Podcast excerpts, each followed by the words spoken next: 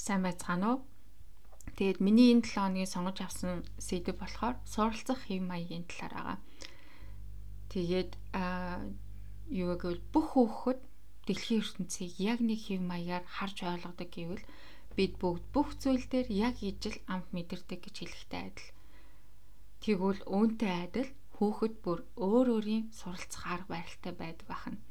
Тэгээ 1984 онд анх сэтгэл зүйч Давид Корт гэдэг хүн суралцах арга барилын талаар өөрийн онолыг танилцуулж ижээ. Тэгээ түүний үздснээр хүний суралцах арга барилд гурван хүчин зүйл нөлөөлдөг. Тэр нь юу вэ гэвэл генетик буюу удамшил, амьдралын хэв маяг болон дуршлага.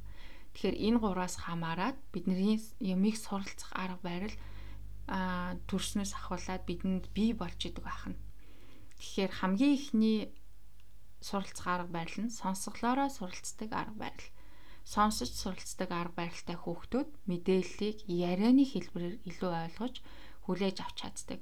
Эдгээр хүүхдүүд ямар нэгэн мэдээллийг чангаар сонссон тохиолдолд тогтоодог учраас тэдэнд хэрвээ та ямар нэгэн зүйл заахыг хүсвэл аман хэлбэрээр тайлбарлаж өгөх нь. Тэгэхээр таны хүүхэд энэ хэлбэрээр илүү юмыг хурдан суралцж чадах нь.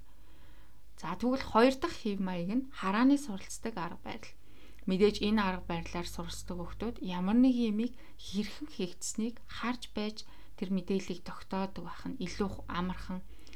Эдгээр хүмүүс ямар нэгэн зүйлийг тайлбарлуулахдаа түүнтэй хамт түүний зураг болон бодит байдлыг харж байж илүү хурдан мэдлэгийг хүлээж авдаг.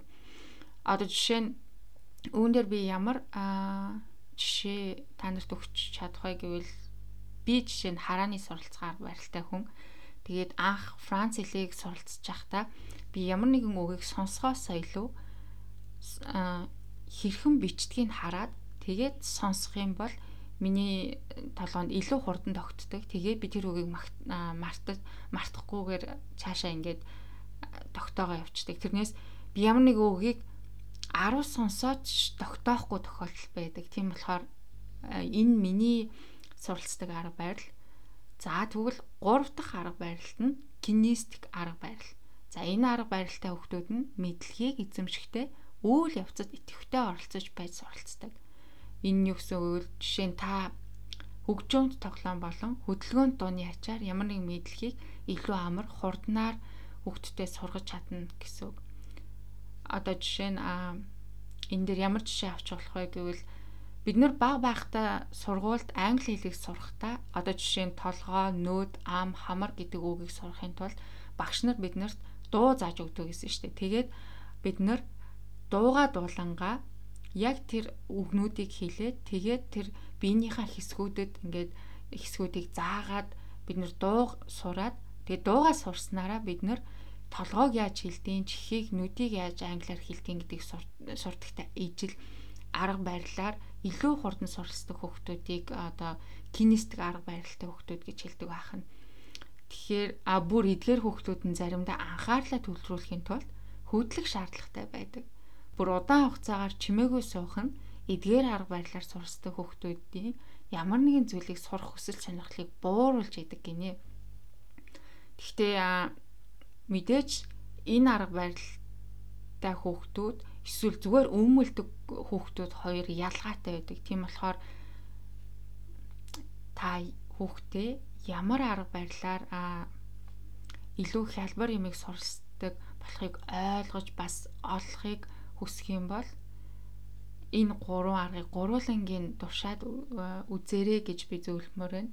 Тэгээ мэдээж урт удаан хугацааны ажиглалт хийх шаардлагатай байх үнийг харахын тулд гэхдээ мэдээж та олчих юм бол энэ нь таны хүүхдүүд насан туршид хэрэг болох хамгийн том хөрөнгө оруулалт байж болох юм.